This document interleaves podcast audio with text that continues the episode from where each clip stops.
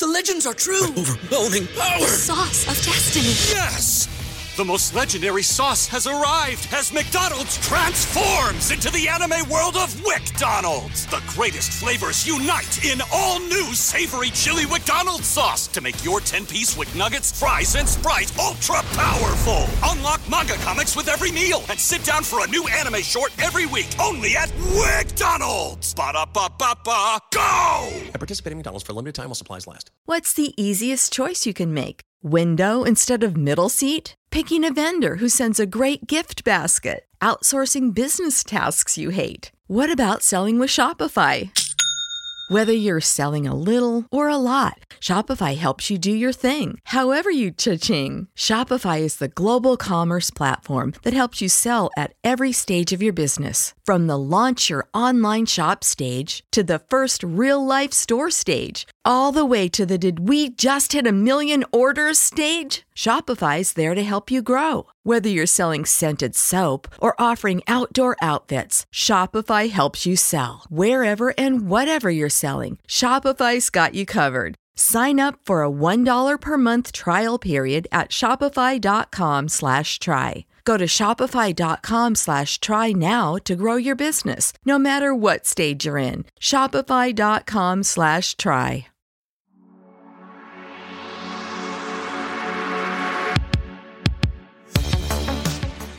Hello, everyone. I'm Robert Parmer, and I'm excited to have you on board for the Broken System podcast.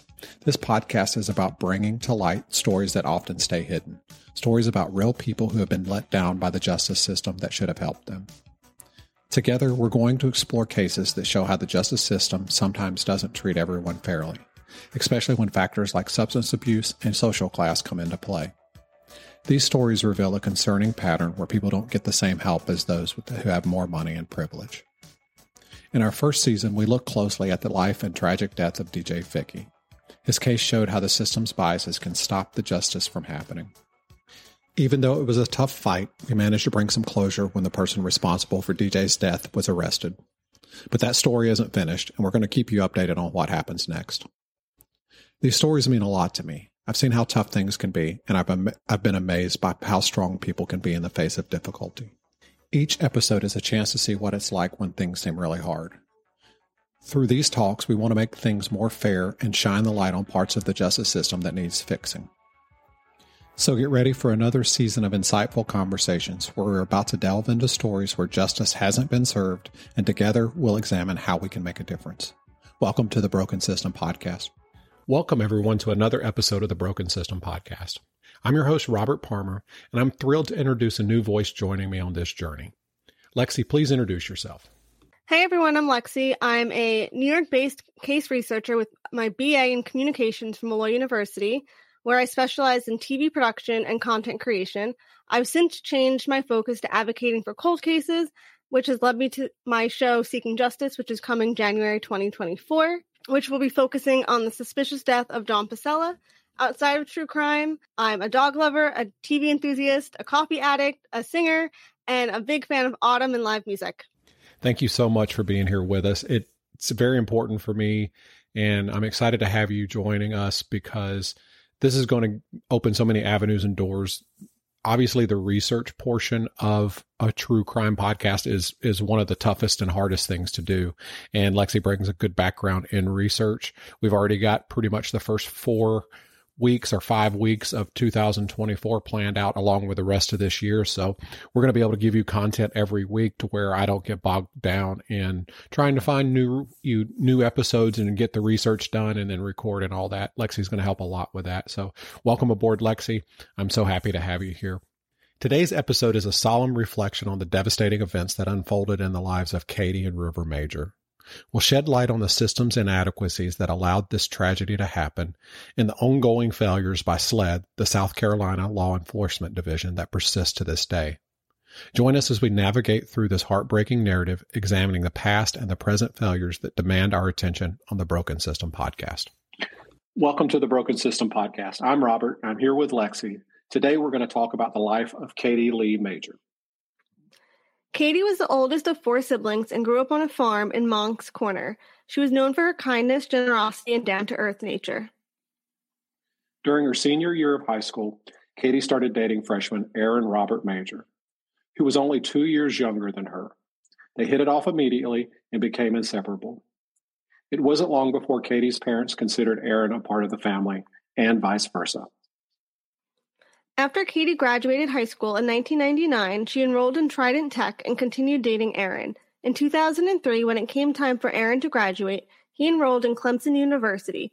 Kadie and Aaron didn't want to be apart while Aaron was away at college, so they got married during the summer and moved in together. In January 2004, after one semester, Aaron decided he didn't want to go to college anymore. He'd rather find a job working with his hands. Aaron ended up taking a job with Kadie's father painting apartments, and they moved back home. In or around 2006, Kadie and Aaron started planning for a family. Their first child, a daughter named River Lynn, was born on March 30th, 2007. Before the end of the year, Kadie became pregnant again. She was due June 2nd, 2008. Kadie was really excited because she wanted to have children back to back. Kadie became a homemaker, which was her dream job. However, according to Kadie's mother, Vicki's website, Justice for Kadie and Her Babies, the relationship between Aaron, Kadie, and her parents had grown more and more estranged over time. The main problem was that Aaron's mother, Rhonda, wanted to control everything in their lives. Things were so bad that Kadie refused to be alone in her in law's home with just Rhonda. Kadie's relationship with her husband, Aaron's mother, Rhonda, had grown more and more estranged over time. If Rhonda wanted to see River, Kadie would drop her off in public place. On January 15, 2008, Kadie had her five month checkup appointment where she found out that she was having a boy who would be named Aiden Robert Major. After the appointment, Kadie went by her parents' house and spoke to her father, Jeff, about some concerns she had about Aaron. Her cell phone was broken, so she had to go there in person.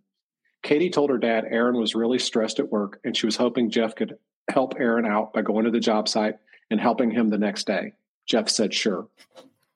Before January 15th was over, Kadie sent out an email which stated, Saw the doctor today, and I'm going to be giving birth to a beautiful boy. I think we are planning on naming him Aiden Robert Major. And guess what else? We might get some snow flurries tomorrow. Everything seemed totally normal. The next day, January 16th, Jeff ended up bringing three workers t- with him to help Aaron at his job site. Two of those workers were Kadie's brothers. According to Justice for Kadie, at some point during the day, Kadie went to the job site. When she pulled up, Kadie asked her dad where Aaron was. It was unclear if she spoke to Aaron or not. What we do know is that Jeff played with River for a little bit, then Kadie said she was going shopping. Everything seemed normal. Later that day, at 6:43 p.m., Vicki was on her way home when Kadie called. She mentioned that Aaron was in the shower, then asked if she could meet up with her. Vicki explained that she had picked up a to-go order and was already driving back home. Kadie and Vicki discussed a few things before Vicki said she needed to get off the phone. It was dark outside and it started raining ice. They, exta- they exchanged I love yous and got off the phone. It was the last time Vicki ever spoke to her daughter. At 1:44 on what now was January 17th, Vicki and Jeff were awakened by a phone call from Aaron, who said he was on the porch he needed to come in and talk to them. Vicki later wrote about what happened next on Justice for Kadie. Once Aaron was inside, he dropped a bombshell on his in laws. He revealed that Kadie got home that evening. She had a premonition that someone was going to kill her. She was standing there shaking and trembling, and she wanted to go get a hotel. Aaron told Kadie he'd take a quick shower and then he'd take her wherever she wanted. But when he stepped out of the shower, Kadie and River were gone. Vicki couldn't help but ask Aaron if there had been a fight. Aaron insisted there wasn't. She also inquired about Kadie's glasses, which she needed to drive at night, especially with River in the car. Aaron's response was unsettling. Kadie had left without her glasses. Things took an even stranger turn when Aaron changed the subject. He started talking about conspiracy theories, including his belief that Kadie's church was part of a conspiracy theory preparing the way for the Antichrist. During this bizarre conversation, Aaron remained unnervingly calm, cupping his hands over one another. Meanwhile, Vicki and Jeff were understandably panicking. Aaron convinced them not to call the police. They had no reason to distrust him, after all. They had known him for nearly 10 years and treated him like a son. In the morning, Vicki and Aaron decided to search for Kadie at local hotels, leaving Kadie's sister Sarah at Kadie and Aaron's place to wait in case she returned. And with that, Aaron left their house, leaving Vicki and Jeff with a growing sense of unease and uncertainty. In the morning, Vicki and Aaron dropped Kadie's sister Sarah at Kadie and Aaron's place, instructing her to wait in case Kadie returned. Then Vicki and Aaron began searching local hotels for any sign of Kadie and River, using Vicki's car for the search. According to Vicki, as they scoured parking lots, she was intensely focused on finding Kadie's truck, and Aaron appeared disinterested. Suddenly, Aaron began rambling about the strange conspiracy theories from the night before, once again diverting their attention. Let's take a quick break. Have you ever wondered what's at the root of homelessness? I used to try to describe it to my husband that um, I said, I feel like I'm in this big spider web and I'm stuck in there. And how wraparound approaches at missions aim to make a difference? It's the things like that. The people who communicated that, in spite of my rough edges, that they authentically cared about me. On the Restorers podcast, we'll talk to experts, investigate current issues, share stories, and give you an inside look at how we at Water Street Mission tackle issues related to homelessness and poverty every single day. Join us by searching Restorers wherever you find your podcasts.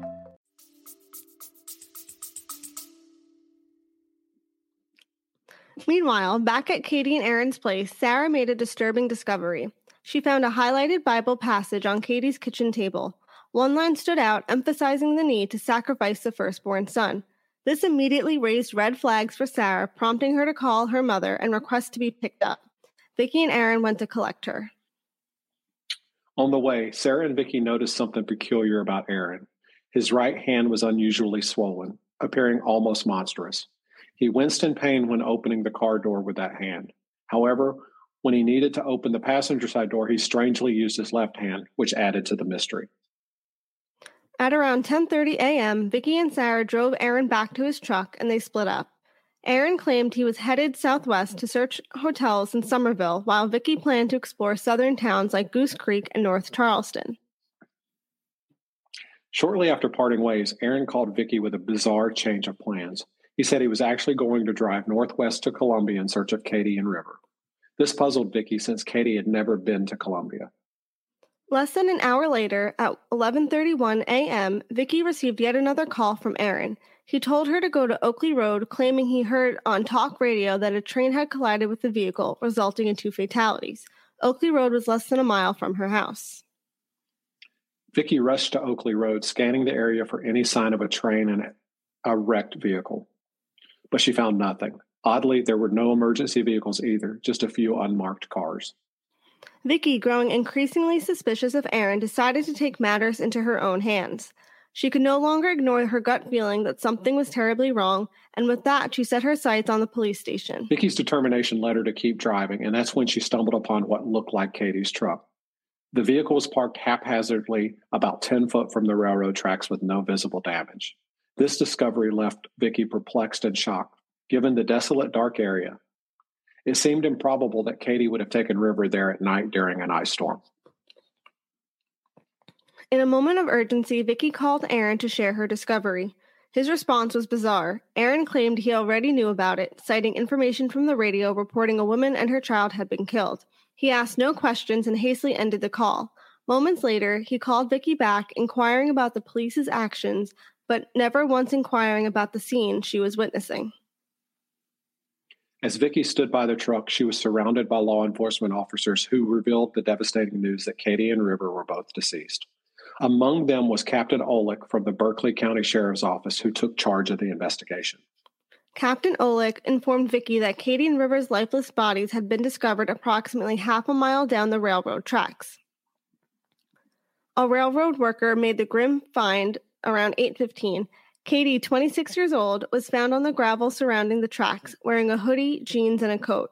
The Post and Courier reported that she had nearly a two foot cut to her lower abdomen and a laceration on the inside of her right thigh. Investigators believe that she had been struck on her side by an object hanging from the train. River, only eight and a half months old, was located in a creek about a 100 feet from Kadie.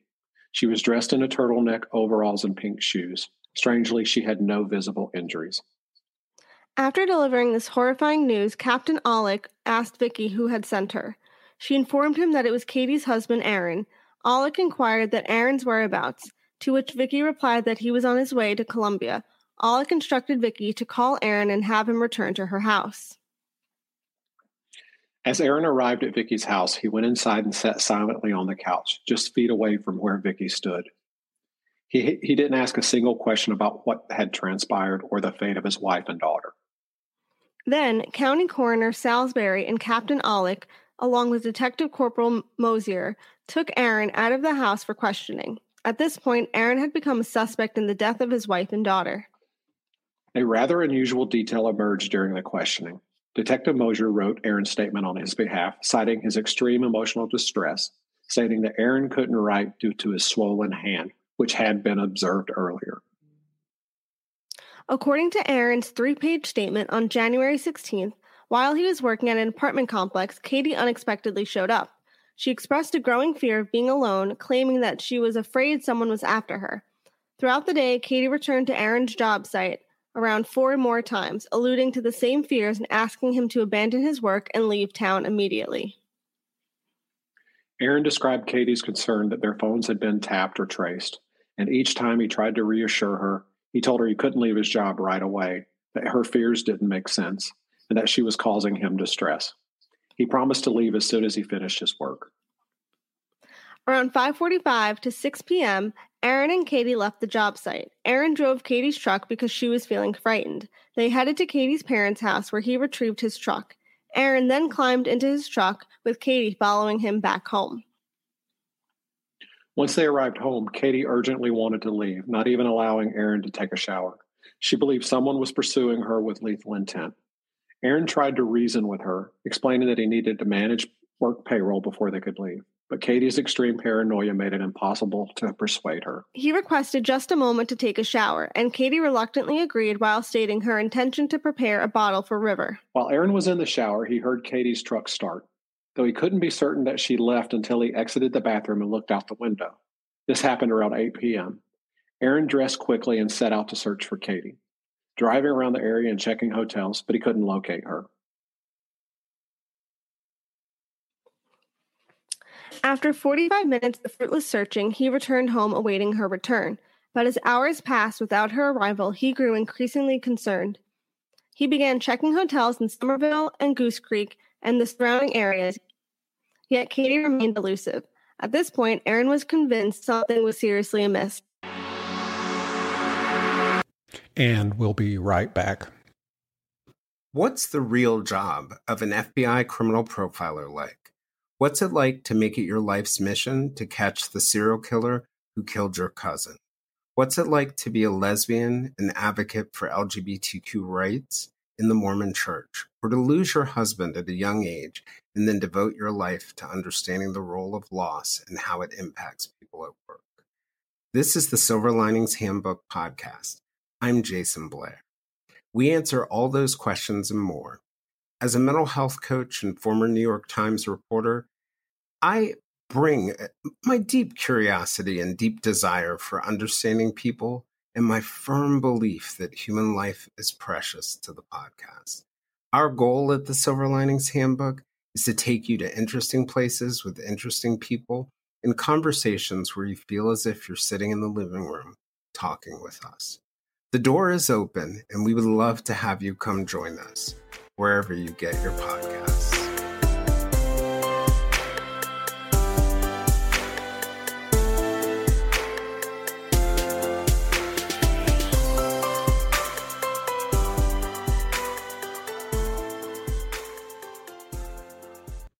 In his statement, Aaron mentioned going to his in law's home and waking them up around 12 or 1 a.m. He engaged in conversation with them for a while before returning home. Waiting in vain for her to return, he went to bed approximately 3:45 a.m. A mere 2 hours later, he awoke and began searching for an envelope containing several hundred dollars of savings. Its absence heightened his anxiety, leading him to fear that something was terribly wrong, and he became increasingly convinced that Kadie wouldn't come back. After Aaron provided his statement to the detectives, he headed to Kadie's parents' house. There, he took his truck and left Vicki's car to drive around in search of Kadie. The two eventually separated, and Aaron decided to drive towards Columbia, believing it was where Kadie felt safe. During this time, Aaron claimed to have overheard on talk radio that a woman and a small child had been found on a radio track in Berkeley County. He promptly called Vicki to relay this information, and she decided to head that direction to investigate further. Shortly thereafter, Aaron received a call from Vicki, who reported having spotted Kadie's truck on the side of the road. Aaron immediately took the next exit and returned to the scene.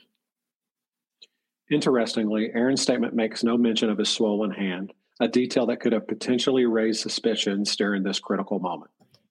Meanwhile, Aaron's parents, Rhonda and David, arrived at Kadie's parents' home. Strangely, they posed few questions, instead, merely inquiring about Aaron's whereabouts.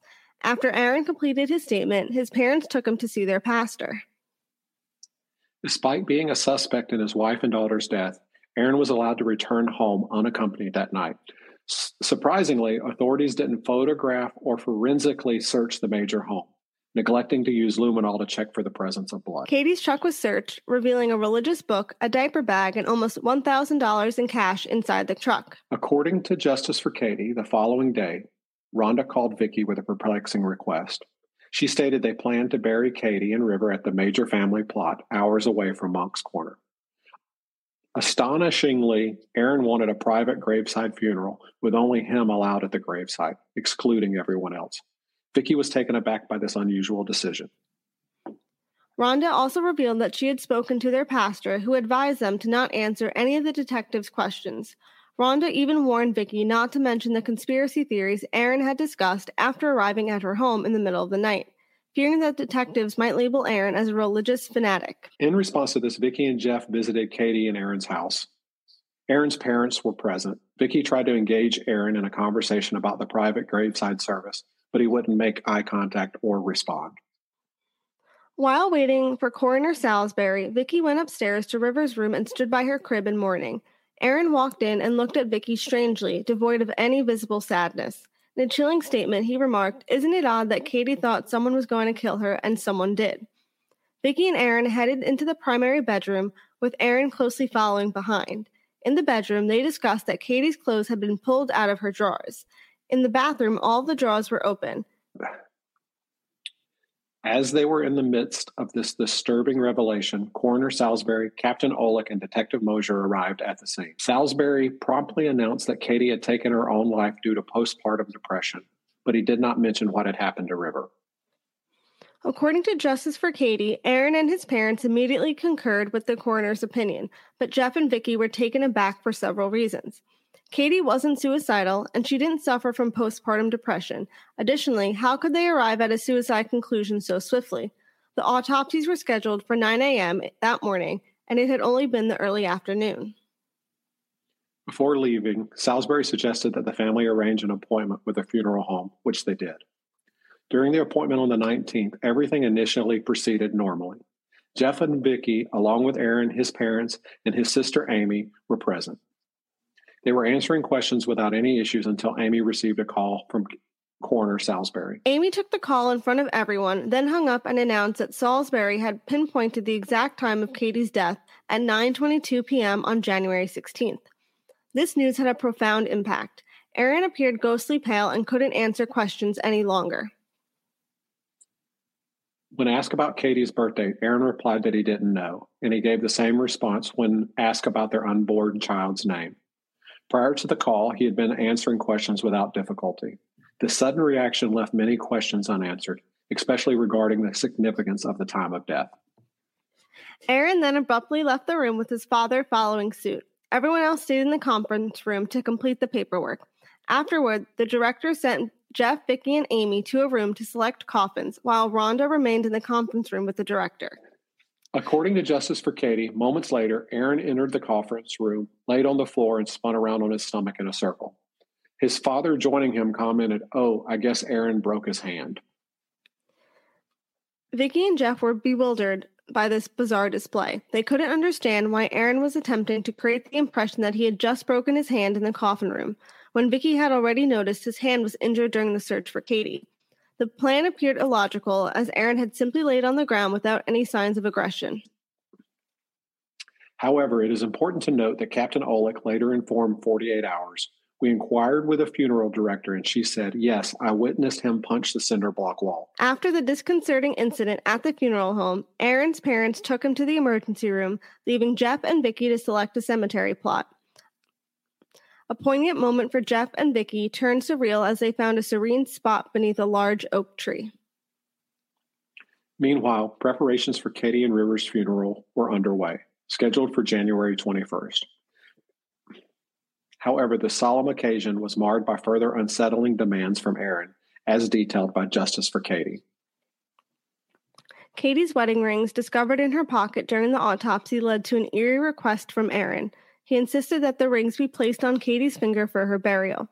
Vicki found this deeply troubling, as she believed that Kadie's decision to remove her rings held significant meaning. Despite Vicki's protest, Aaron adamantly refused to leave the rings off. Aaron's demands didn't end there. He also wanted their unborn son, Aiden, to be displayed on top of Kadie during the open casket viewing. Vicki opposed this idea, explaining that Kadie was only 20 weeks pregnant, and seeing Aiden in the casket would have been incredibly distressing. Thankfully, Vicki's intervention with the fuel director prevented this idea from becoming a reality. Kadie and Rivers' funeral took place as scheduled on January 21st. Two pastors were present, one from Aaron's mm. family and one from Kadie's. Vicki revealed that Aaron insisted on having his pastor there because he believed that the Hall family pastor was part of a religious conspiracy to prepare for the way for the Antichrist. A private family gathering was held before the closing of the casket. When Vicki arrived, Rhonda approached her and conveyed Aaron's wishes to be alone when the casket was closed. Vicki firmly refused, sensing that Aaron was attempting to guard the casket. Eventually, Vicki mustered the courage to approach the casket. What she saw inside was heart wrenching. Kadie and River lay together, and Kadie's face bore no scratches despite the official narrative that she had taken her own life by train. However, a large bump was visible on River's forehead, even though the coroner had stated that there were no visible injuries on her. The discrepancy deeply upset Vicki. When it came time to close the casket, Rhonda approached Vicki and asserted that Aaron wanted this time alone. Vicki staunchly responded, Then you better call the police because I'm not leaving. They will have to drag me out of here and arrest me. She felt that Kadie would be proud of her for standing up to Rhonda. And we'll be right back. We're here in the matter of the United States of America versus. Collect call from a person presumed nice until proven naughty.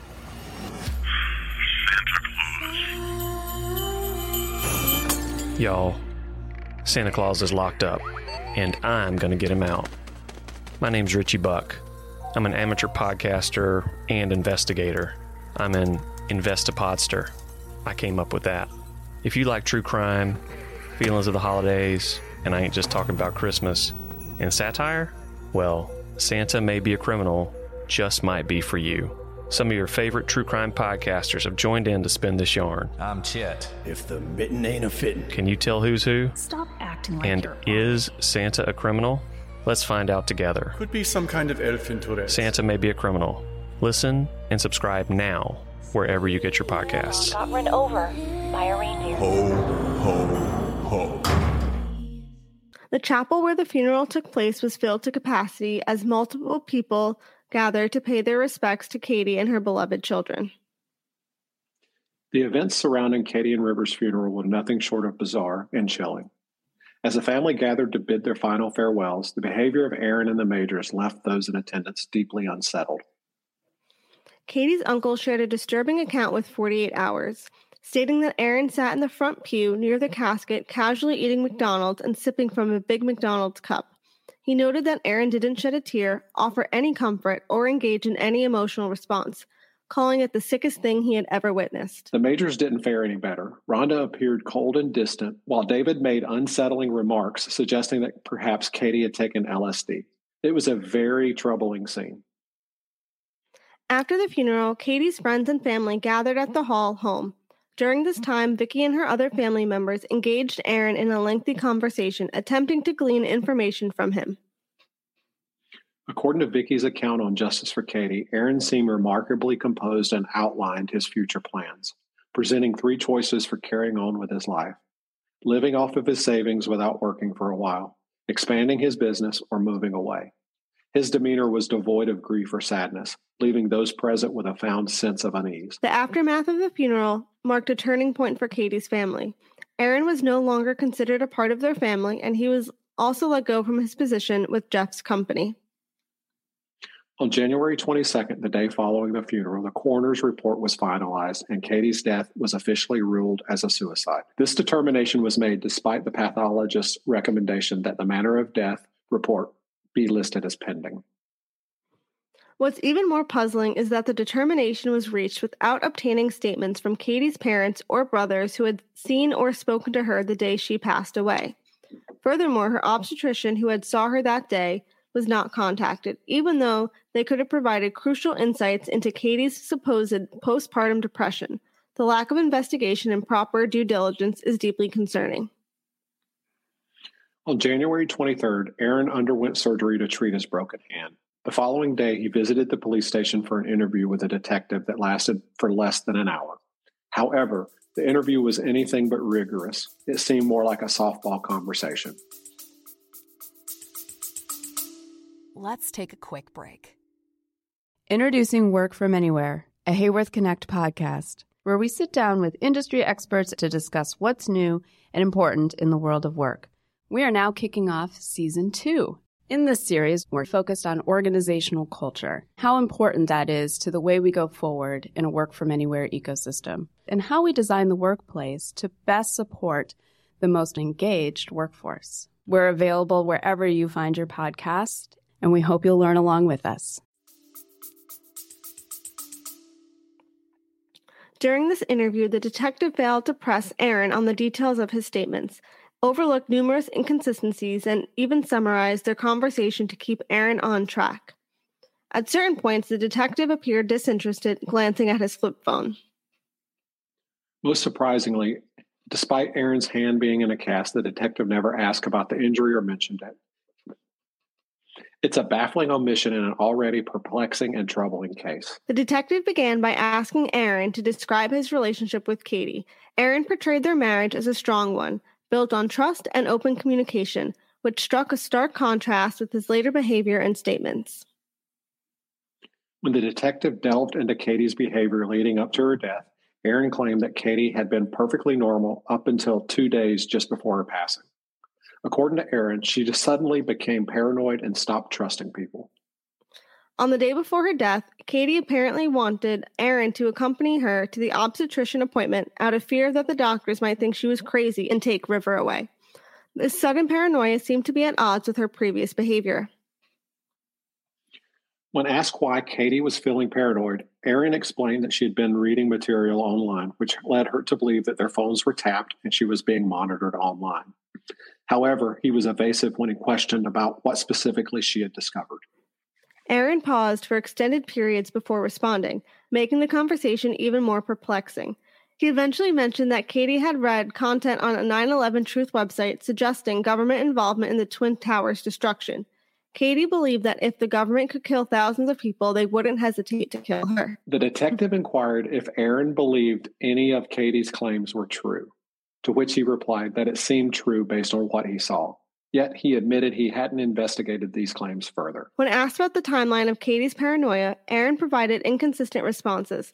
He mentioned that Kadie began acting paranoid on Tuesday, but contradicted himself by saying that the first time she exhibited paranoia about these people was after her obstetrician appointment on Tuesday. The interview was riddled with discrepancies, and the detective failed to address the inconsistencies in Aaron's accounts. The shifting nature of Kadie's paranoia, the lack of clarity surrounding the source of fears, and Aaron's evasiveness left many unresolved questions. The detective inquired about any mentions of religion by Kadie, to which Aaron responded that she claimed God was telling her to flee and protect the children and herself. When directed back to the discussion about the job site and Kadie's visits, Aaron detailed that each time Kadie showed up, she would beg him to leave work, expressing her fear and anxiety. Aaron would explain to her that he couldn't just leave his job due to the responsibilities, and he would manage to calm her down before she left. Kadie's final visit around 5 p.m. was marked by her frantic desire to leave. Aaron convinced her to wait until he finished the project, which concluded around 6 p.m. Wait, okay. He allowed his employee to drive his work truck to the Hall's home while he rode with Kadie. This decision raises questions considering her alleged state of anxiety. In the interview, Aaron stated that during the ride, Kadie was expressing her fear and paranoia, making her emotionally distressed. However, it's unclear why Kadie was driving in her distressed state when Aaron was in the vehicle with her. Interestingly, Aaron's statement about who was driving seemed to change from his original statement to the police, where he stated that he drove Kadie's truck because she was frightened. As the detective probed into Kadie's paranoia, Aaron offered vague and contradictory responses. He mentioned Kadie's tendency to connect random events as part of a larger conspiracy, but he struggled to provide any details. And we'll be right back. Welcome to Murder and Mimosas. I'm Shannon. And I'm Danica. Together, as a mother and daughter duo, we host Murder Mimosas, true crime podcast with an episode released every Saturday at 10 a.m. so you can listen to it during prime brunch time. While we don't require a mimosa, we do highly recommend one. All of our episodes are cases that we found really interesting or just really stuck with us because we hope they'll do the same for you. You can listen to us on Spotify, Apple Podcast, or wherever you listen to your podcasts. One specific event Aaron mentioned was a call from someone claiming to be Hillary Clinton's campaign, asking Kadie if she would vote for Hillary. According to Aaron, Kadie said yes despite her dislike for Hillary Clinton because she was scared. This interaction led Kadie to believe that she was under surveillance. This explanation doesn't align with Kadie's paranoia and the supposed puzzle she was putting together, as described earlier. The lack of clear pattern or cohesive narrative regarding her fears raises doubt about the validity of these claims. In the interview, Aaron described their return home after they left the job site at around 6 p.m. This time, he said they stopped to grab food, but Kadie couldn't eat due to her anxiety. Aaron, however, ate during the ride home. Upon arriving home, they only made it to the front door as Kadie refused to enter, believing it to be a dangerous place. Aaron tried to convince her, and they talked for about an hour in the doorway while River played on the floor. While standing in the doorway of their home, Kadie's paranoia seemed to intensify, and she stopped trusting Aaron. Despite her fear, Aaron reassured her, saying that he would take a shower, handle payroll for his employees, and then do whatever Kadie wanted. Eventually, Kadie agreed to let Aaron shower. She put River in the crib and mentioned that she was going to prepare a bottle and grab a diaper bag. However, these were the last words she said to Aaron. She also promised to wait for him while he showered. Aaron started his shower, and during that time, he heard what believed to be Kadie's truck starting. After finishing his shower, he got dressed and looked out the bedroom window to discover that Kadie's truck was gone. Aaron became concerned and immediately started searching for Kadie at hotels in Moncks Corner, believing that she had cash to afford one. The detective inquired about the source of the cash, and Aaron explained that Kadie had withdrawn $500 in cash from the bank earlier in the week. They typically operated on a cash budget, with Kadie pulling out cash every two weeks to pay bills. Aaron assumed she had a significant amount left in her purse, which she would use to remain untraceable given her concerns about being followed. When asked whether he used his debit card to make any purchases during his search, Aaron couldn't remember but suggested it was possible, mainly for filling up his truck. Aaron returned home between 8 and 9, thinking Kadie may have come back while he was searching. He mentioned that during previous arguments, Kadie usually left for about 30 minutes before returning. When probed about the cause of their disputes, Aaron couldn't recall specific reasons, but suggested it may have been related to the timing of the month.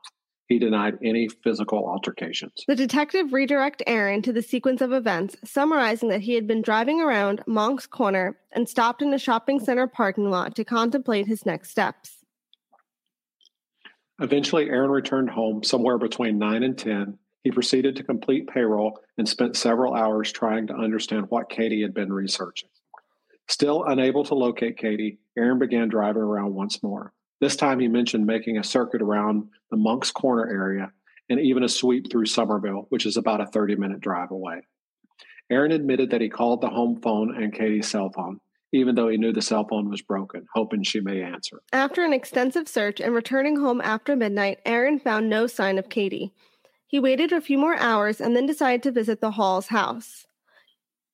He shared with them the details of the conspiracies Kadie had been researching, still believing she would come back home. Aaron fell asleep around 4:45 a.m. and woke up about an hour later, growing increasingly concerned as Kadie remained absent. At this point, he decided to go out searching with Vicki and Jeff. They decided to look at hotels in their quest to find Kadie. Initially, Aaron mentioned that he discovered the missing money around 500 to $600 the morning after Kadie's departure. However, this contradicted his previous statement where he said he realized the money was gone shortly after Kadie left the house. The discrepancy in Aaron's accounts present a challenge for investigators. While he claimed to become increasingly worried when he found the money missing, the conflicting stories about when he noticed its absence raises more questions than answers. As Aaron and Vicki began their search, they eventually separated. Aaron's decision to drive to Columbia, South Carolina was influenced by the trip he and Kadie had originally planned to take to the Highlands in North Carolina. Columbia was a midpoint where he considered investigating. Aaron shared that during this drive, he had heard a report on 94.3 talk radio about a person and a young child being struck by a train in Berkeley County. The news alarmed him, and he immediately contacted Vicki to inform her. He tried not to think that the report could be about Kadie. However, Vicki called back, revealing that she had found Kadie's truck near the tracks. Aaron turned around and made his way back to the Hall residence, where he would later meet with, with detectives to recount the events. The detective asked Aaron if Kadie had used his cell phone to call anyone from 6 p.m. until she left that evening. Aaron responded that to the best of his knowledge, Kadie hadn't made any calls.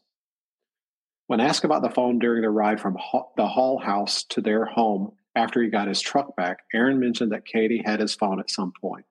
She had grown paranoid, fearing that Aaron had contacted Vicki and that Vicki was part of the conspiracy plotting to take River away.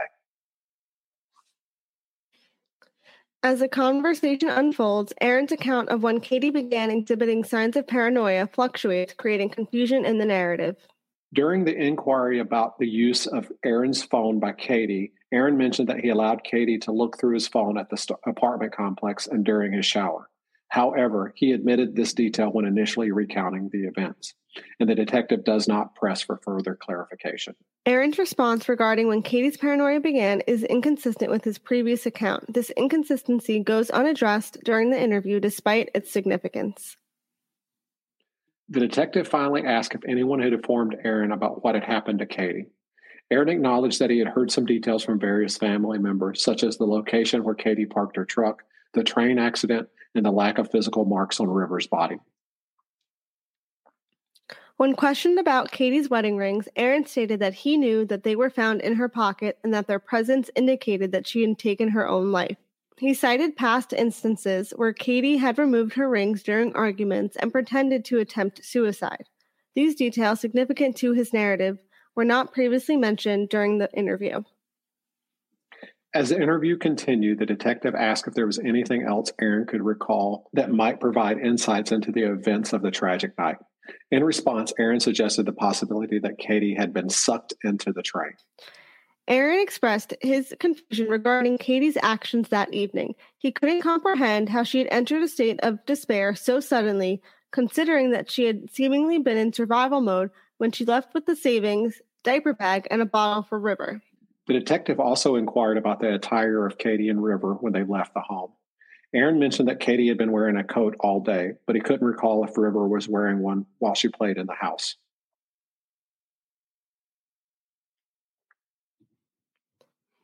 Aaron attributed Kadie's actions to postpartum psychosis, claiming that she was stable until a specific point, but the timeline of when she began to exhibit signs of paranoia remained inconsistent. The detective did not address this inconsistency. Aaron suggested the possibility that Kadie left the house due to her paranoia about him, and that she may have anticipated his efforts to find her. He theorized that Kadie headed to the train tracks to erase any trace of her whereabouts, leaving behind her phone, truck, and the house. In his theories, Aaron questioned whether Kadie's death by train was intentional or accidental. He noted that it would be a challenging method for someone to take their own life. These theories and the shifting narrative underline the complexity of the case. Aaron also shared that he had visited the train tracks at approximately 8:30 the day after Kadie's discovery, walking halfway down but found it too eerie to continue. The detective proceeded to ask Aaron direct questions about his involvement in Kadie and River's deaths. Aaron consistently denied any involvement. He expressed the desire to uncover the truth about what had transpired. In response to the detective's inquiries about the consequences for a potential perpetrator, Aaron expressed his beliefs in the death penalty. This exchange reflects the severity of the situation and the emotional turmoil surrounding the case. The detective then told Aaron, How about let's go get something to drink? I need a coffee. I'll see if I can answer any of these questions for you. Both men then walked out of the room together. Shortly after this interview, Aaron hired a lawyer and has never spoken with investigators again. He later moved in with his parents in Charleston and started his own house painting business. On February 1st, less than a week after the interview with Aaron, the sheriff's department called Vicki into the station and told her that they were closing the case, which was crazy because at the time, Kadie's toxicology reports hadn't even been received and neither autopsy report had been completed. Kadie's death was a suicide, while according to Vicki, Rivers' cause of death was labeled asphyxiation due to drowning, despite there being no fluid in her lungs. However, Rivers' manner of death was undetermined. Investigators told Vicki that there was something else found in Kadie's pockets beside her wedding ring. They also found a note that included typed font and handwriting about end of the world conspiracies.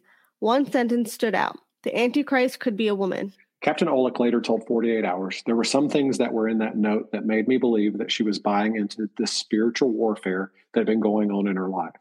When Vicki found out about the note, she was super surprised. Kadie had never talked about any of the things on the note in the past. Vicki reported on Justice for Kadie that the department told her Kadie and Rivers' deaths were a murder suicide. They believed Kadie jumped into the side of the train, killing herself, then the force of the train threw River into a nearby creek where she drowned. Not sure how this equals a murder suicide, but okay. Vicki could not believe what she was hearing. She vowed to get to the bottom of what happened. A few days later, Kadie's toxicology report was finished. The results were negative for drugs and alcohol. Vicki has never seen any toxicology tests for River, leading her to believe none were ordered. A week later, on February 11th, Kadie's autopsy report was signed by the pathologist. Kadie's cause of death was right atrial contusion and right femoral vessels, artery and vein lacerations due to blunt force trauma due to pedestrian versus train. Vicki could not believe the results of the investigation, so she started her own, gathering documents and taking detailed notes. She would go to the sheriff's office with whatever new information she uncovered, but no one would listen to her. Vicki later told 48 Hours that while she looked into things, Aaron did multiple things to harass Kadie's family. Vicki said that whenever they put something at Kadie and Rivers' graves, it would be destroyed and thrown into the woods. At one point, a doll with a hole in its oh. stomach was placed on the cross at the memorial where Kadie and Rivers' bodies were found. Vicki believes Aaron was responsible for that. Possibly the worst of things came 10 months after Kadie and Rivers' death. Aaron filmed a video at his and Kadie's home, then put the tape on their grave. The video filmed on November 5th, 2008, and later aired on 48 Hours shows a dining room table set for four people. One of the spots is a high chair for River. There is even a jar of food and a bib on the high chair. The video also showed Kadie and Aaron's bed. There was a pillow under the covers on Kadie's side of the bed. Vicki hired a private investigator by the name of Jessica Sanders, and they started looking into things together. One of the things they did was look at Kadie and Aaron's home computer history. The Post and Courier reported that they found listings for 9 11 conspiracy theories and the Jeremiah Project, a website about Bible teachings, the end of times, and details on the New World Order. The only times the websites were looked at was when Aaron would have been home. This leads Vicki to believe that the note found in Kadie's pocket was Kadie's way of documenting Aaron's search history. Vicki and Jessica also found that at 10:05 a.m. on January 17, 2008, Aaron searched Google for WSC Talk Radio. 2 minutes later, he looked for Two Dead in Berkeley County. This was prior to anyone in the family knowing Kadie and River were found dead. This was also during a time Aaron said he had been out searching for Kadie. Vicki looked into Aaron's claim that he heard the report on the radio about a person and a young child found dead on Oakley Road.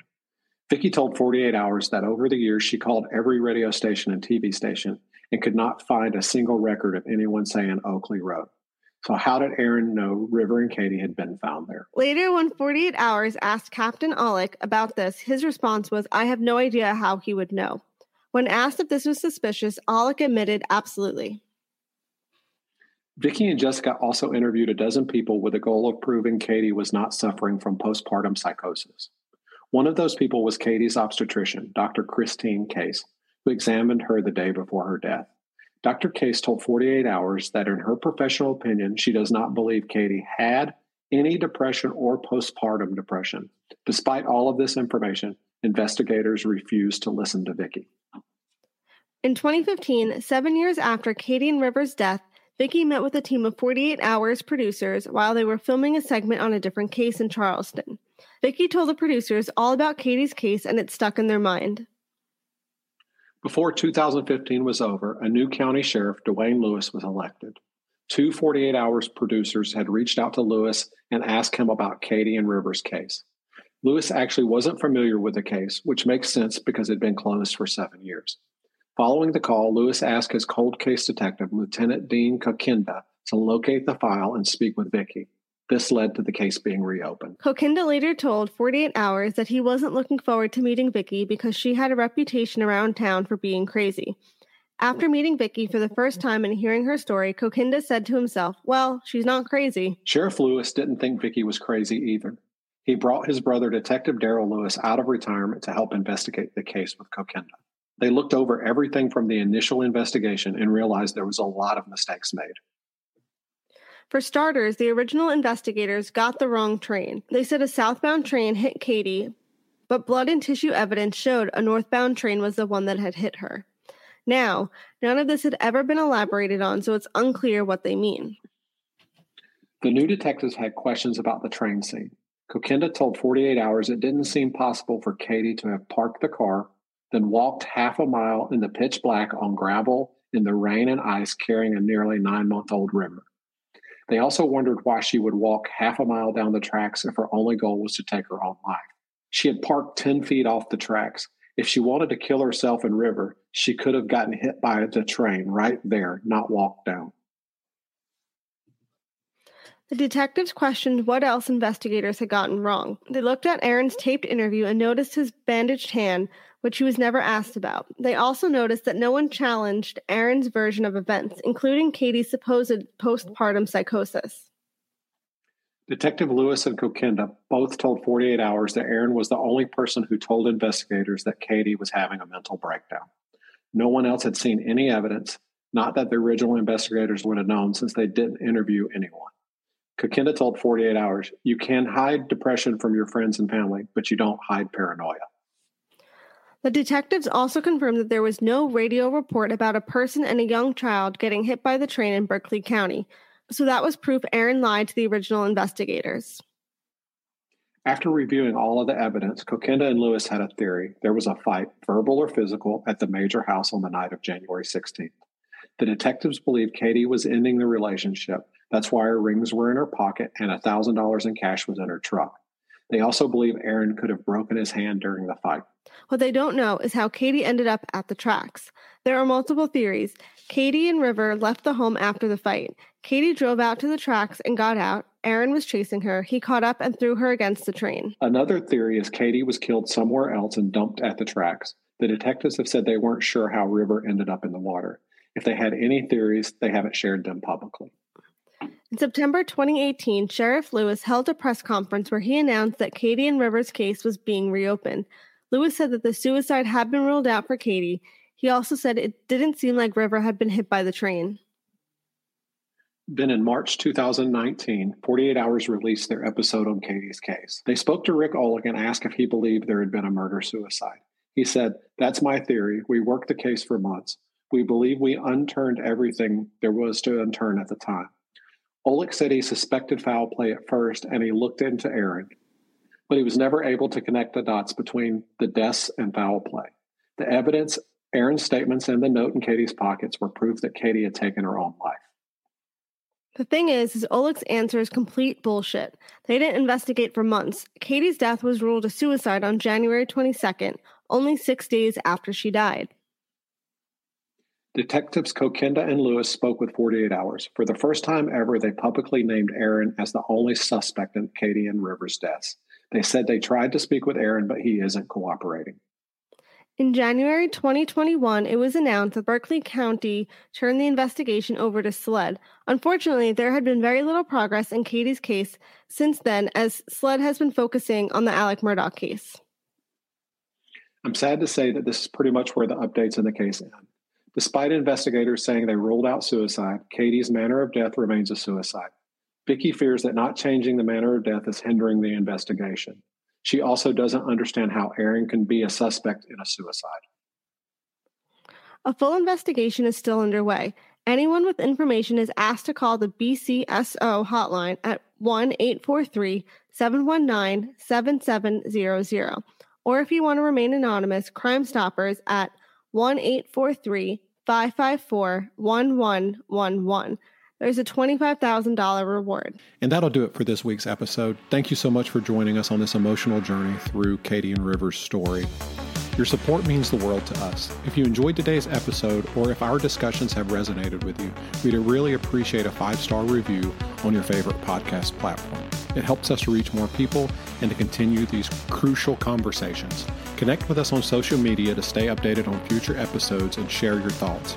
You can find us on all platforms at The Broken System Podcast. Your feedback is invaluable and we love hearing from you. As always, the Broken System Podcast is written and produced by me, Robert Parmer. This research for this episode came from Haley Gray Research. We appreciate their dedication and hard work. Together, we're striving to bring awareness and change. Remember, your voice matters, and so does your role in challenging the broken systems around us. Until next time, stay informed, stay engaged, and let's work together to fix the broken system. And that's a wrap for today's episode of the Broken System Podcast. Don't forget to show your support by liking and sharing this episode with your friends and family. We also invite you to join us on Facebook and Instagram for more updates, behind the scenes content, and community discussions. Just search for the Broken System Podcast on both platforms and you'll find us. We encourage you to check out our show notes for this episode, where you can find links to our partners, a transcript of the episode, and information about the music you heard today. We want to make it easy for you to access all the resources we discuss on the show. And lastly, this episode was written, edited, and researched by Robert Parmer. Thanks again for tuning in, and we look forward to bringing you more thought provoking content on the next episode of the Broken System Podcast.